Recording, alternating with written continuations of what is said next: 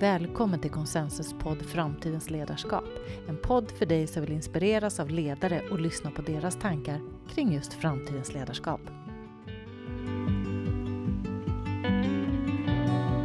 Idag är jag hos Niklas Molinder, hemma hos dig i din studio. Mm. Eller vad kallas det här fina utrummet? Ett uterum. Vi kallar det faktiskt för poolhuset. För det ligger vid poolen. Det är fantastiskt fint. Ja, fast idag är det mitt kontor och inget poolhus. För jag brukar sitta här och jobba faktiskt. Härligt. Ja. Så, vem är Niklas Molinder?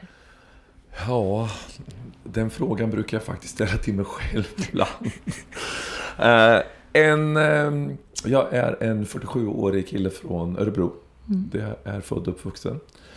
Uh, och jag har sen jag var väldigt liten, jag tror tre år, varit totalt Eh, uppslukad av musik. Jag älskar musik. Och har på olika sätt sedan jag var tre år fram tills idag liksom, eh, hållit på med musik.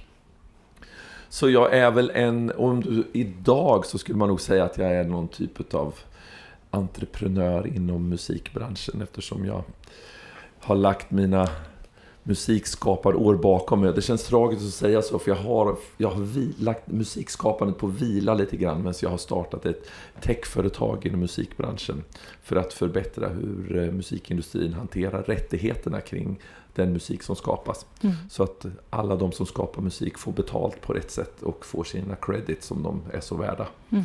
Så då har jag lagt skapandet lite bakom mig och gjort det här nu i fem år. Mm. Men nu börjar det klia i mina skaparfingrar så att jag är på gång igen och ska försöka skapa lite. Så det är nog jag tror jag. Härligt. Och det bolaget som du pratar om är, har ju hetat Oddly. Mm. Men nu har ni bytt namn. Ja, vi har bytt namn. Och varför har ni bytt namn? Ja, alltså, jag har en ganska kul grej. Det är en lång historia, men eh, när vi tog beslutet om att göra det, vi har pratat om, om det länge. Bakgrunden till namnet är att när vi startade det här för fem år sedan, då, det första man gjorde då var att titta, kan vi hitta en fri .com-domän? Det var liksom, och alla .com-domäner som är bra är upptagna. Men vi vred och vände på saker. Audley audio och lyrics, ljud, mm. ljud och text. Och det var lite liksom, och så slutade det på LY. Och alla bolag på den tiden, techbolag, skulle ha något så LY-slut. Liksom. Mm. Och vi hittade. Eh, och så blev det det. Eh, och när vi tog det beslutet så satt jag på en bar i Thailand. Eh, min kollega var i Los Angeles och våran techpartner var här i Örebro.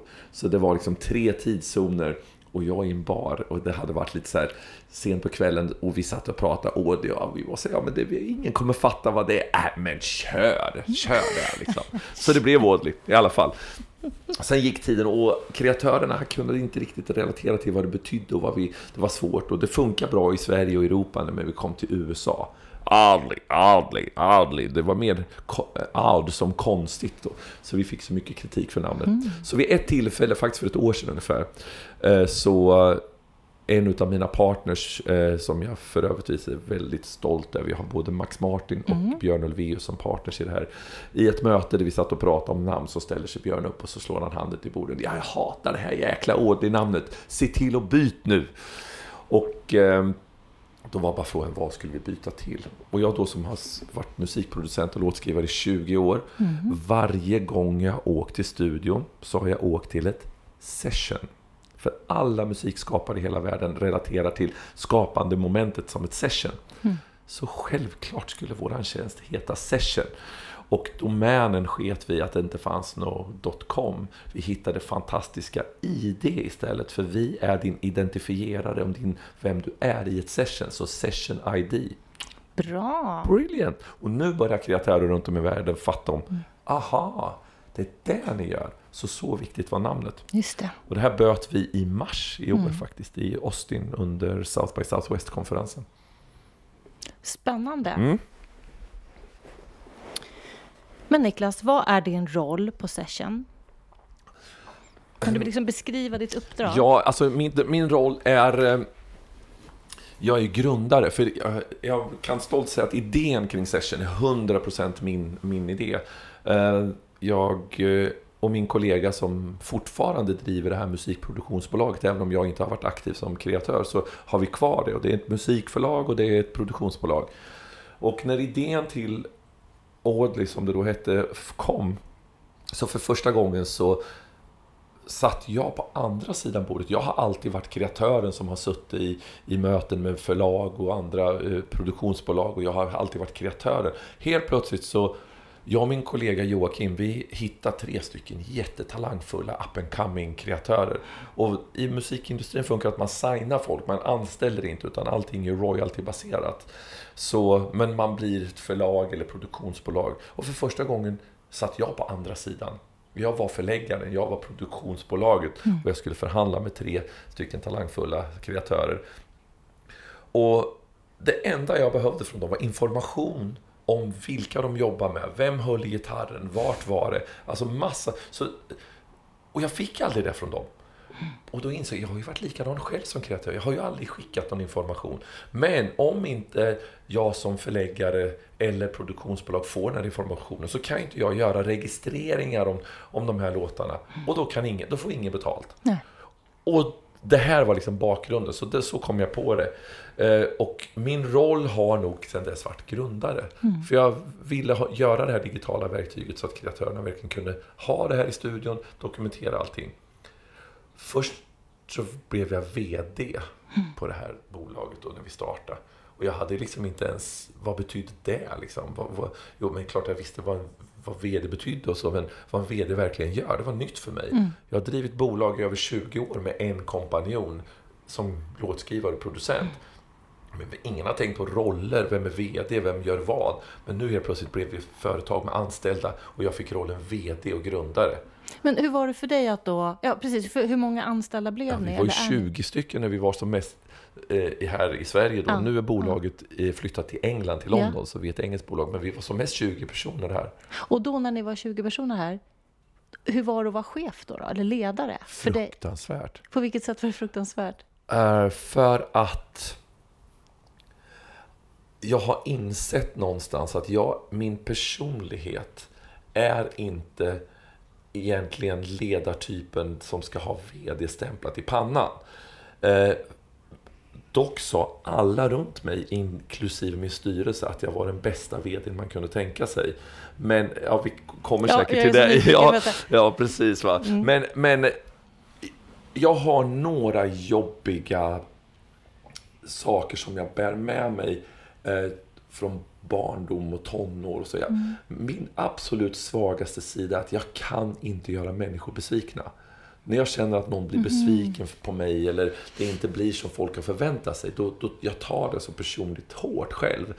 Eh, och som VD så måste man ju vara liksom, tuff mm. och så. Eh, så jag fick verkligen anstränga mig för att vara VD när vi kom till sådana situationer. Att jag var tvungen att liksom, göra korrigeringar i bolaget, kanske låta någon gå, ändra inriktning. Mm. När jag känner att nu blir folk besvikna. Mm. Shit vad jobbigt. Så i det läget är jag svag. Liksom. Men, mm. Så jag måste jobba hårt. Sen har jag andra delar som VD som jag gör utan att jag mm. tänker på det som blir väldigt bra tydligen. Ja, men det är jag så nyfiken på. Mm. Men du, men tror inte du att alla VD och VDR och ledare tycker att det är jobbigt att behöva korrigera och kanske säga upp personal och så? Jo, absolut. Jag, faktiskt ganska nyligen så såg jag en intervju, jag tittade på en jättespännande dokumentär om Jan Stenbeck eh, och Stina Dabrowski eh, intervjuade honom. Hon frågade vad är det mm. jobbigaste och han mm. sa det, det jag tycker är värst är att säga upp folk. Och då hade jag en uppfattning om honom som en ganska buffel i ja, sådana sammanhang. Ja. Så det är klart att alla tycker det är jobbigt. Och sen, eh, det behöver inte alltid ha med att säga upp folk. Det kan ju ha att ändra förutsättningar i bolaget och ja. så. Och jag har alltid relaterat tillbaka hur det var att i över 20 år sitta sida vid sida med en kollega. Joakim och jag drog, vi drev musikproduktionsbolaget och vi var liksom för det första så tänkte vi aldrig ens att vi drev företag. Vi skapar musik och vi mm. älskar vår tillvaro. Mm. Men trots att vi hade det ganska bra och kul så, så blir det störningar även mellan två stycken då. Och Jocke och jag har en att det funkar så bra. Vi har aldrig skrivit en avtal mellan varandra, vi har bara jobbat på. Han har inga syskon, jag har inga syskon, så vi har nog blivit mer bröder som drev bolag, det skulle jag tro att vi kände. Men vi hade en teknik för att, och det här är ju inte sunt egentligen, men vi undvek problem hela tiden. Eh, ja, men, och det uppstår ju problem, självklart. Men istället för att ta det rakt av, så hade vi någon så här, vi byggde upp en liten kokande gryta. Och det här låter negativt, men det var inte negativt för oss. Vi byggde upp den här kokande grytan, men någon gång då och då Mm. så var det tvungen att ta bort locket och låta det rinna över. Men vi skrek aldrig på varandra. Mm. Vad gjorde ni då, när det rann över? Vi... eh, Jag, jag tror nog att vi kallar för att vi tog tag i det. Ja. Mm. Vi bara, nu tar vi tag i det här. Och sen pratade vi. Eh, Och det kunde vara ganska spänt och... och eh, ja, vi fick lära oss eh, en skithäftig grej. Vi var faktiskt på en... en, en eh, en, en ja, kurs, ja, vi var med på en kurs en dag. Eh, Jockes mamma drev en, en, en jättehäftig verksamhet där man jobbade med personlig utveckling och så. Och Jocke och jag blev inbjudna på det här. Och vi visste inte vad vi skulle åka på. Jocke sa vi ska åka till morsan, vi ska kolla, hon har någon grej. Och vi kommer dit och då har de en, en, någon typ av terapeut, någon som jobbar. Och man skulle komma som par. Och det hade inte vi fattat. Och det, här kunde man komma som par som levde ihop, som eh, kompisar eller som arbets... Liksom. Och, och vi kommer dit och vi fattar när vi kommer, oj det här är ju seriöst. Det var en eftermiddag då. Och första övningen, för man, alla var ju där i par, så säger den här liksom, eh, ledaren av den här dagen, nu sätter ni er mitt emot varandra ganska tätt. Liksom. Så vi satt ungefär som du och jag sitter nu. Och så, nu ska vi göra det här i två delar. Den ena gången är den ena lyssnare och den andra pratare. Och så byter vi. Och man skulle göra det här under tre minuter var. Och det här är ju en klassisk grej. Liksom, sådär, men man, precis när hon sa att nu ska vi göra det här, man kände både Jocke och jag började titta på varandra. Shit, vad, vad gör vi? Vad gör vi? Och sen bara uppgiften. Nu ska den ena som lyssnar vara tyst. Och den andra ska i tre minuter berätta vad man tycker är mindre bra med den andra personen. Och du vet, jag kände på en gång bara shit, det här kommer aldrig gå, det här kommer inte gå. Så- Vänta, vänta, vad var det som inte skulle gå? Att Nej, ta du- emot eller ge? Och ge, men vad, vad ska man säga? Och jag tänkte jag ta emot, det hann jag. Jag var först, jag, jag, jag skulle först prata. Ja, det var det, jag skulle först prata. Så jag hann inte ens tänka på hur ska det bli när jag ska få höra. Men liksom, åh, åh, tre minuter, åh, shit. Och så hör jag bara säga, kör! Trevande 30 sekunder kanske, sen bara kom det. Och vi satt och tittade varandra i ögonen så här nära. Och jag bara pratade. Och vi släppte inte varandras ögon. Och tre minuter gick så jäkla snabbt. Och så tänkte jag så här, när, när, när hon sa nu är det slut. Och tänkte jag, vad ska Jocke säga nu? Shit, vad ska Jocke säga? Och så tittar han på mig och säger, shit vad bra! Det här var bland det bästa. Det var så- Och så vände vi på det och det blev lite konstigt. Det här var ju så kul att det var så kom. Vi visste inte vad vi skulle göra. Nej. Så när han skulle köra, det blev jättebra då med. Men var vi, så, så den här tekniken tror jag att vi bar med oss. Det var inte så att vi sa att nu ska vi göra den här övningen. Men bara, man kör till en viss liksom, läge men sen måste man ventilera. Mm. En typ av sharing helt enkelt. Ja. En sharing den andra är tyst och Ja, lyssnar. för jag tror. Mm. absolut inte på gapa och skrika. Liksom. Jag, Sen tycker jag självklart att det är bättre att ta tag i infekterade situationer tidigare. Vi gjorde inte det, men vi var också bara två personer. Jag förstår. Men du, två frågor. Fa- har, finns Jocke med i sessions nu eller? Ja, Din- eh, inte operativt, inte aktivt. Nej. Men eh, Jocke och jag har då, eh, vi har vårt moderbolag Mm. då, som vi fortfarande driver tillsammans. Och det bolaget har intressen i, i nästan allting vi Okej. gör, bland annat Mm. Session. Då. Men vi kom till en situation och jag tror att vi är glada för det båda två. Mm. Alltså i, i över 20 år så tillbringade vi mellan 8 till 16 timmar ihop nästan varje dag. Mm. Liksom, vi reste tillsammans och det går så långt till slut så man bryr sig inte om man kommer in i ett hotellrum, det är dubbelsäng och dubbeltäcke. Mm. Vi bara la oss, alltså, det fanns, vi hade ju liksom mer ihop än vi hade med våra tjejer. Liksom. Ja. Men vi hade inte sex med varandra. Vi tog det inte så långt. Så att vi, var, men vi visste ju allt om varandra. Ja. Liksom, sådär. Så att när vi, jag kände liksom, när vi startade Session, kände jag bara det, det här är, är bra av många anledningar. Jag var nyfiken på vad det här jag hade kommit på och sen behövde vi luft. Liksom. Ja, jag förstår. Och då var det också ett steg, tänker jag, dig som ledare att vara VD då och styra allt det här då på egen hand. Ja, Ja. Men du, använder den här, om jag nu kallar det sharing, att det var det ni fick lära er, det här med att dela. An, använder du någonting av det som ledare och chef? Ja, det tror jag att jag gör. Eh, jag, jag, har, jag kommer ihåg en, en, eh, en gång, vi skulle låta en, en vi, vi hade anställt en person som eh, vi kände, det här funkar inte. Och det var ju så här provanställning och det hade bara gått någon vecka tror jag. Det här kommer aldrig funka. Och då hade jag ändå en operativ chef som jobbade tillsammans med mig. Och vi vi bara liksom kände att ah, nu måste vi göra det här. Och vi skulle göra det här efter lunch. Och vi var och käka lunch, jag och min kollega under, och vi var så nervösa, vi kunde ju knappt, nu ska vi sätta oss ner med den här personen liksom, och jag, oh, men då tänkte jag faktiskt på det här. Då ska jag, när jag satte mig där med honom, jag nästan skakade liksom. Och mm. han kände ju den här killen som vi skulle prata med att det, det här är ju inte, inget positivt samtal. Mm. Men just det här ögonkontakt liksom, ja. och våga. Och, och, då gjorde jag faktiskt tvärtom. Då började jag inte säga allting som var dåligt. Då började jag prata med honom om vad vi tyckte hade varit bra. Ja. Men att det var vissa saker som inte funkar. Mm. Så att jo, jag bär med mig den mm. tekniken på något sätt.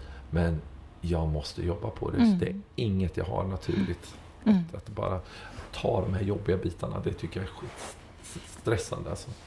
Men du, varför tyckte de i styrelsen att du var en fantastisk VD? Ja, alltså jag, jag, jag har ett...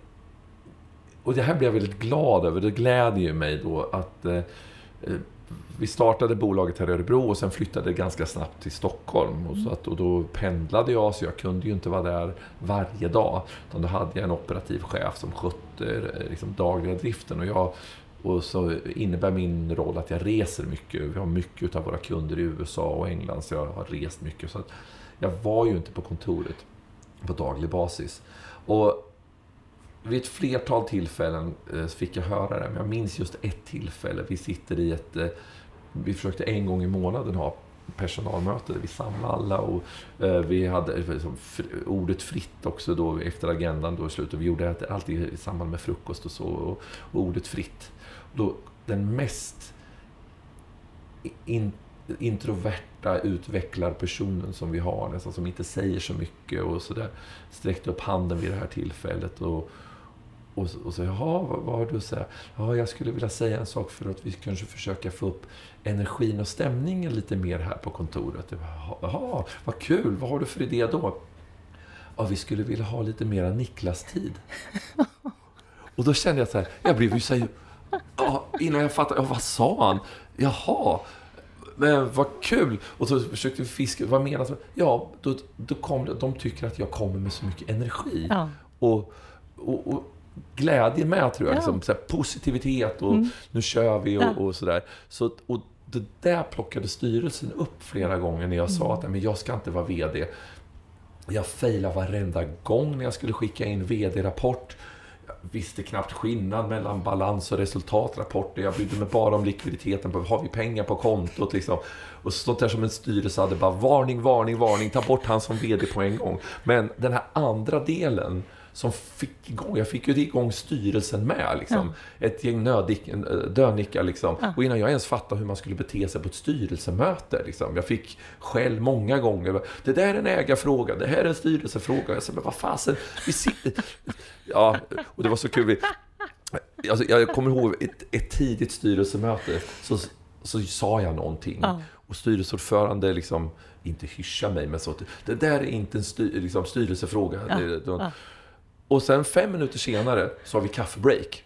Då står vi och dricker kaffe alla. Då får man prata om det. Samma människor. Ja. Men sen när man går tillbaka så till styrelsebordet då, och då fick man inte prata om det. Då fick jag så här, nej jag fattar inte Nej. det här liksom. Ni får ursäkta mig men jag tänker säga vad jag tycker. Och det gjorde nog att de såg mig som en, en, en, en bra VD. Jag brast i så många delar men energin var viktigare.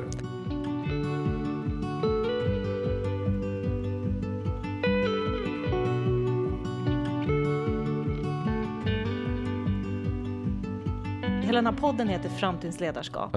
Att möta den här förändringstakten, digitalisering och kunna skapa business är en superhög förändring.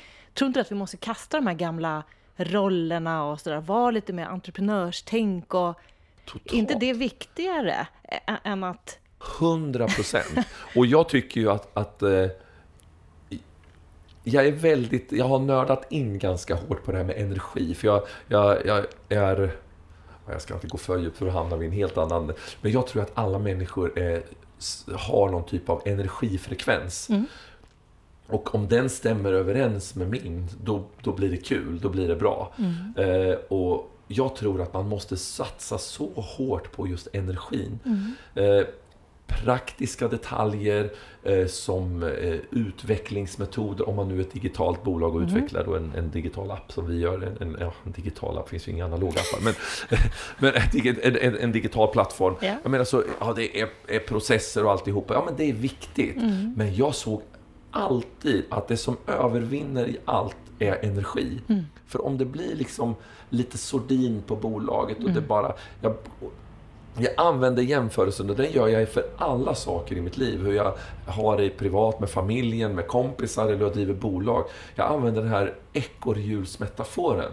Om du tänkte dig en liten, nu säger det inte ekorre, det heter ekorrhjul, men tänk dig en liten, man har en mus eller en mm. hamster, de bara springer i det här hjulet. Yeah. Springer och springer och springer, kommer ingen vart, det mm. bara snurrar. Mm. Och ibland så har jag känt mig så, varför springer vi i det här hjulet? Mm. Så det jag har som strategi för, för mig själv, och jag gör det ofta, det är att jag går ur hjulet ja. och tittar på vad fasen springer vi för? Mm. Ibland kanske vi springer åt helt rätt håll. Så in i hjulet och mata på igen. Men många gånger, majoriteten av gångerna, så inser jag, åh, vi måste ju byta inriktning. Vi måste springa åt det hållet istället. Och prova det hemma i familjerelationer, ska ni se, med barn och, och respektive. Mm. Det är magi ibland när man bara slutar att springa, bara för man tror att man springer åt rätt håll. Kräver inte det en, en, eh, ett mod? Så det krävs eh, en viss typ av kategori människa att våga reflektera eller våga någonting annorlunda ja. som du har med dig. Ja. Absolut. Alltså jag bara tänker för att, och det, där är du en sån inspiratör. Ja, och jag säger ju emot mig själv för varje gång jag går ut ur det här hjulet. Mm. Och jag säger majoriteten av gångerna så är mm. mitt, min insikt att vi måste byta riktning. Och då är, säger jag emot mig själv, för jag avskyr och, och hatar att säga åt människor att göra någonting annat och göra människor besvikna. Jo, men, men, men jag gör det i alla fall. Och, men med rätt energi så kan jag styra en grupp och bara, hörni, vi ska häråt. Exakt. Men jag gör det inte bara vid ett tråkigt möte vid ett mm. konferensrum och säger Hörni, nu har vi tagit strategiska beslut att man ska ha något, liksom, peppar igång. Ja, men alltså, peppar igång. Jag förstår. Du, så du, kom igen nu liksom. Jag förstår, ja. du samlar och, och exakt.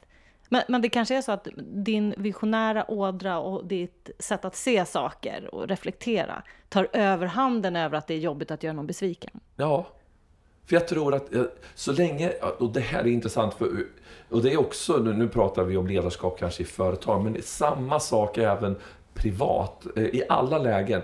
Jag är en jag tror jag är en bildmänniska. Jag har en vision. Jag ser en bild om någonting där framme.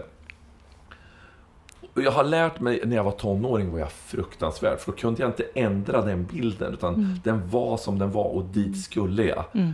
Och jag har trampat på många tår i mina dagar i min, mitt, mitt driv att ta mig dit till mm. målet av den mm. bilden. Idag har jag mycket mer livserfarenhet och har lärt mig att bilden kan förändras lite grann. Och vägen behöver inte vara spikrak. Jag har lärt mig att omvägar är ibland otroligt positivt. Men min extrema liksom, drivkraft för bilden gör att jag tror att jag får, får med mig folk, men jag vet vart jag ska. Ja, men tror du inte att du får med dig folk för att du kan beskriva bilden? Ja. Jag föreläser om just sådana här saker, att, att, att ha bilden väldigt tydlig, ha den mm. tydlig för dig själv. Då kan du också få andra att förstå och se bilden. Ja, och jag, jag tänker så här, undrar hur jag gör det? Men för jag tänker så här, som jag sa till dig innan den här podden, jag har skickat lite ja, frågor, så ja. jag, så här, jag vill inte läsa. Jag har, sån är jag alltid. Jag gjorde ett, eh, ett eh, ett föredrag i lördags, en, eh, en ganska stor publik och sådär och skulle prata om en sak. Och jag vet ungefär, jag ska ju prata om det här. Och det, jag säger inte att det här är rätt eller fel, men hur man funkar. Vissa som gör presentationer, de pluggar in varenda liksom, eh, fråga och varenda mening rätt. Jag sitter och gör slidesen två minuter innan jag ska gå på scen, så ändrar jag slidesen. Jag älskar att utsätta mig för den här sista minuten eh, upplägget, men med bilden tydlig. Liksom. Jag vet ju vad jag ska prata om. Mm. Och jag tror att jag gör så även i mitt ledarskap. Jag har provat att förbereda mig. Och låt, men vi kan ta, eh, vi kan, det spelar ingen roll vad vi kan prata om att man handlar om att man ska eh, informera en personalstyrka i ett, ett sammanträdesrum eller styrelsen eller jag ska gå på scen och hålla ett föredrag. Så har jag alltid bilden och målet klart. Men jag har provat att varje gång jag förbereder mig för mycket så funkar jag så mentalt att min hjärna tänker bara då på vad var det jag förberedde? Vad var det jag förberedde? Och då tappar jag den här, då blir jag inte den här energifyllda liksom. Exakt, den här, det här liksom. Exakt, som du gör med händerna nu. Nej, det precis. Det där krisp, ja, sådär. jag men, förstår. men jag exponerar mig också för risken Mm. att det börjar barka. Och det har jag ju varit med om i alla de här olika sammanhangen. Även på en stor konferens någon gång i, där jag liksom känner bara shit, jag har tappat tråden liksom. Och då hade jag önskat att jag var som du och hade, liksom bara visste så här, åh vad skönt, då kunde jag landa tillbaka Landa där. tillbaka. Men skulle jag ha förberett mig, då skulle hade jag aldrig haft Jag förstår, Det där, så Det, är det som är liksom. exakt Ja. det är det som är energin. Och då ska jag direkt titta ner i mina frågor då, för nu känner jag att nu har vi ju gått fått feeling här. Men jag, det här, jag tror Jag att börjar vi, oroa mig för tiden, att vi skulle... Ja, ja. ja, men det är lugnt, det är lugnt. Så ehm, största utmaningen inom ledarskapet? Vi tangerade ju kring det där med konflikthantering. Ja. Var, är det någonting mer sådär som, som du känner har varit en stor utmaning för dig? Eh, ja, jag tror att om man tittar på hur, hur, eh, hur de senaste fyra åren då, när jag har drivit det här bolaget då, som heter Audley, som nu heter Session, så började vi här i Örebro med traditionellt kontor, kontor eh, liksom, eh, och en personalstyrka. Vi kopierade samma upplägg, flyttade till Stockholm, vi blev fler. Det innebar ett pendlande för mig och sådär. Men väldigt traditionellt sätt att driva bolag. Och nu när jag vet hur vi har det idag, bolaget är, är, är England, eh, så det är ett annat upplägg och jag kan då komma till vad det här... Idag har jag ett upplägg på bolag och det är klart, nu självklart är det verksamhetsbaserat, men för den verksamheten vi har, har vi det perfekta, enligt mig, upplägget nu. Det här traditionella, eh, ha kontor, alla ska jobba på samma ställe. Jag var så indoktrinerad innan att Åh, teamet, bygg teamet i, i eh, och man måste sitta ihop och sådär. Men efterhand så säger jag, bullshit. Alltså, det absolut viktigaste man har är människorna. De som jobbar, teamet. Men vart man sitter och hur man sitter, det har mindre betydelse. Och jag skulle nästan vilja säga att vi har en helt annan struktur idag. Där det sitter, jag har folk i London, jag har faktiskt en person kvar i Stockholm. Vi har folk i Barcelona och vi har även folk i Asien. Men de är handplockade för att vara rätt i teamet. Och de digitala verktygen funkar, för kommunikation funkar så bra. Så för mig, och jag tror vi kommer se det mycket, mycket, mycket mer i framtiden. Det här nya sättet att driva bolag. Människor, framförallt våra kids som kommer upp idag. Jag menar, vår, min äldsta är 23. Eh, och jag menar, se du, vad de har för, för syn på saker och ting och hur de kommer vilja ha det i framtiden. Jag tror att Igen, självklart verksamhetsbaserat. För vissa yrken måste man finnas på plats. Men jag tror inte att man, vi måste våga släppa på de här traditionella s- strukturerna för hur ett bolag byggs. Det är jätteintressant. Och om jag tolkade rätt då på min fråga då, vilken var den största Jag vet inte ens om jag svarar på den Jo, frågan. Nej, men det är underbart. Jag tolkar, eh, jag tolkar som att du brottades lite med just det här gamla och traditionella sättet. Ja. Men att nu känns det bra när du har skapat den här typen av plattformen där Ja. man inte behöver sitta tillsammans, eller hur? Ja, och den var så- passar mig så bra. Va? Och, Exakt, ja. och, då, och, och verksamheten rullar på på ett väldigt bra sätt. Och Mm. jag, har, jag har människor jag kan lita på som gör, ett bra, eh, som gör bra saker. Eh, Jag underskattar aldrig de fysiska mötena, för vi måste komma tillsammans då och då. Mm. Och jag är ju i London väldigt ofta, liksom, eftersom majoriteten av människorna sitter där. Så det är klart att man måste träffas. Men jag, jag tror att det här passar mig Ja. helt perfekt och det passar hela vårt bolag och hela den verksamheten vi gör. Passar här helt utmärkt.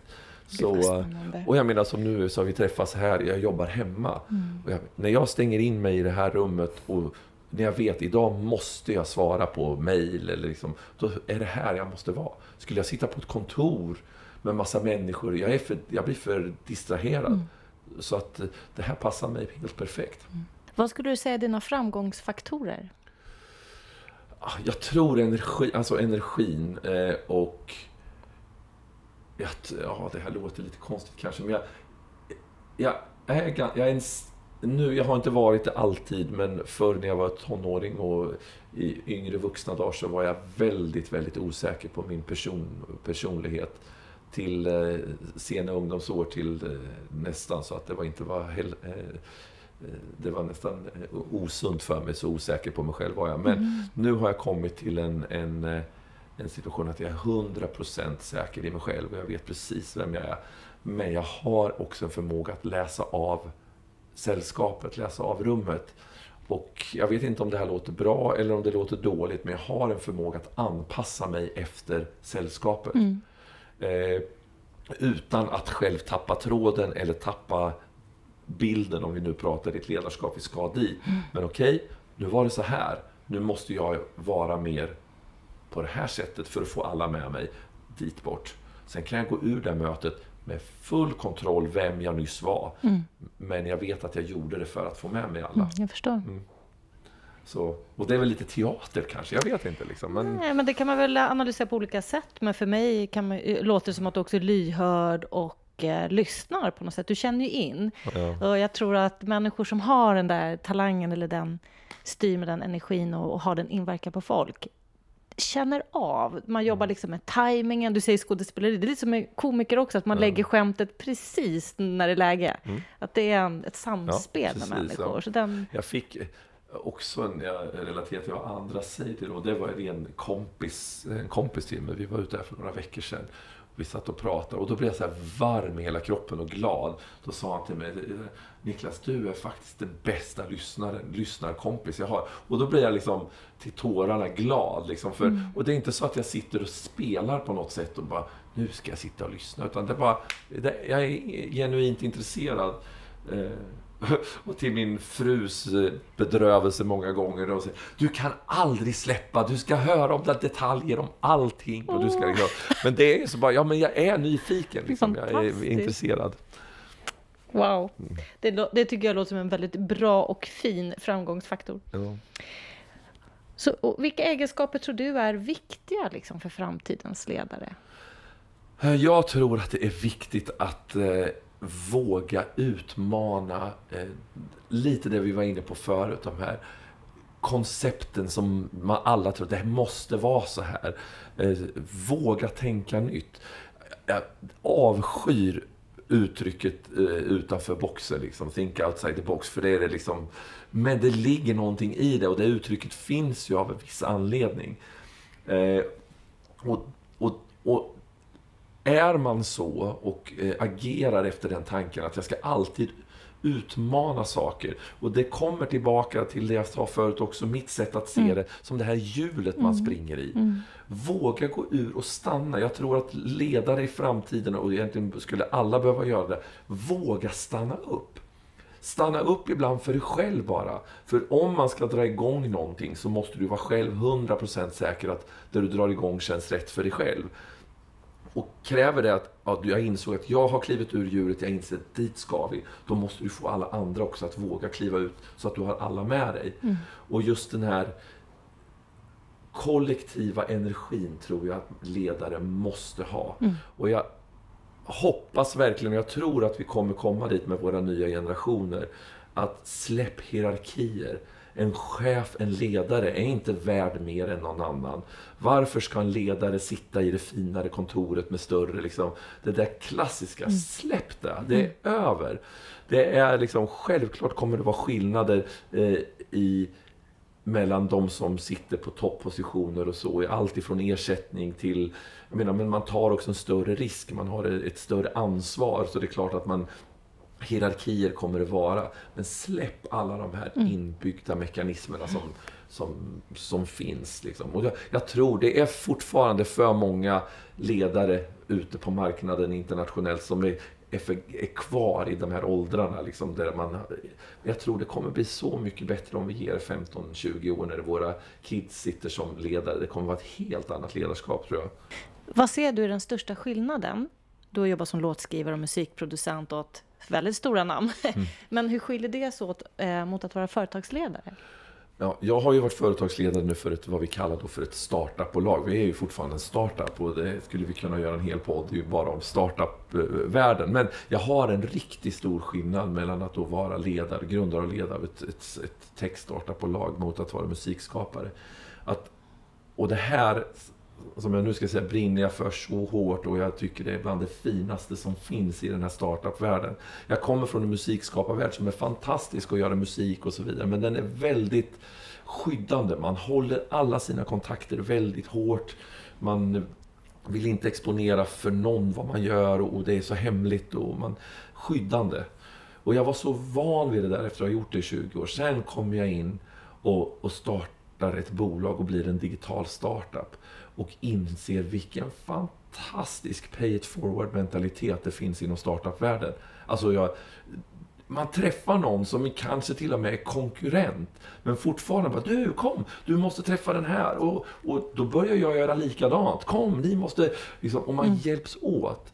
Och det här, den skillnaden eh, har jag verkligen anammat och försöker göra, liksom, föra in i alla egentligen, mina, hela mitt liv egentligen. Och det skulle jag vilja att man börjar med även som jag menar, VD eller grundare av ett litet startupbolag, ända upp till ledare av mm. stora mm. bolag. Tänk på den här pay it forward-mentaliteten. Mm. Hjälp varandra. För det, är, det finns ja, du må exponera dig för risker att någon kanske snor någon kontakt, men i det stora hela så blir alla vinnare om man bara hjälps åt lite mer eh, och är lite mer liksom, hjälpsamma mot varandra. Vad har du då för målbild om Sessions om fem, tio år? Hur ser det ut framöver och hur kommer din roll liksom förändras? Jag, Vad tror du?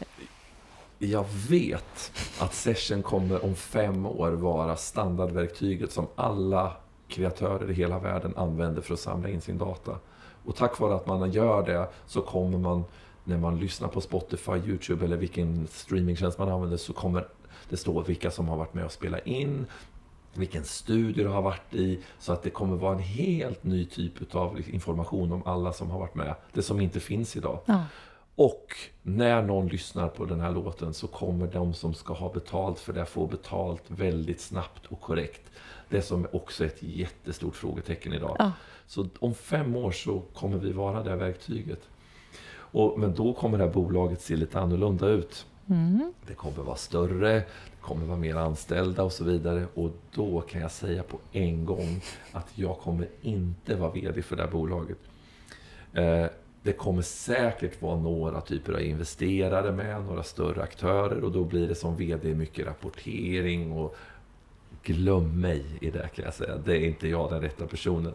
Så jag om fem år i det här bolaget, när vi är stora och har en extern VD, så kommer jag vara någon typ av mood manager eller, eller någon typ av, jag gillar marknad mm, och jag gillar, mm. men jag vill gärna liksom ha en, en, en energiroll på något sätt. Exakt. Och jag kommer ha fokus på kreatörerna för de ligger mig alltid mm. varmt om hjärtat. Så någon typ av kreatörsansvarig kanske, jag vet inte. För för mig är i ett ledarskapsperspektiv är namnet på rollen för mig helt oväsentligt. Eh, jag vill bara se det här funka, för mm. bilden igen är så mm. tydlig.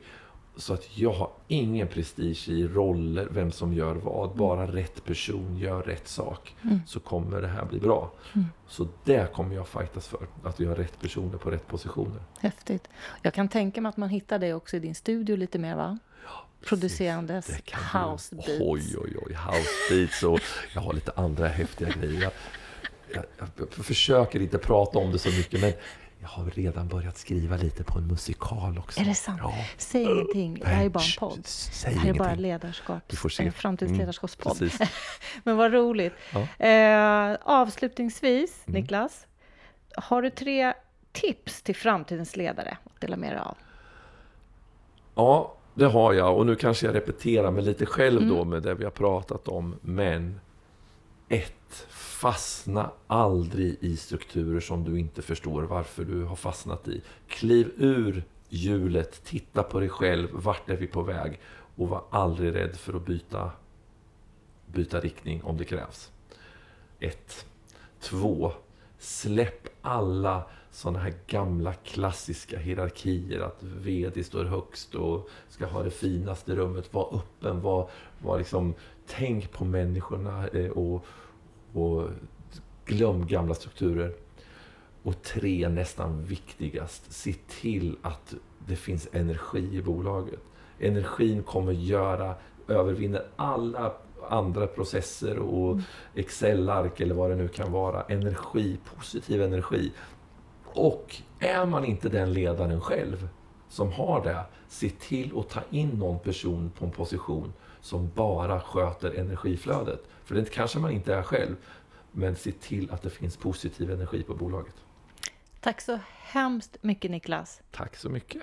Fantastiskt energifyllt ja. möte. Vad kul, detsamma. Jag blir jätte...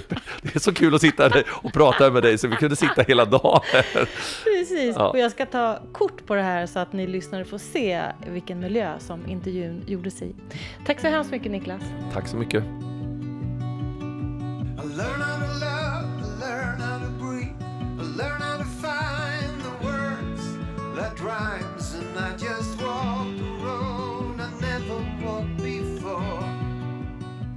Vill du ha mer information om konsensus, gå in på www.konsensus.nu. Och jag som intervjuar gästerna heter Anna Mår och är en av bolagets fristående konsulter. It's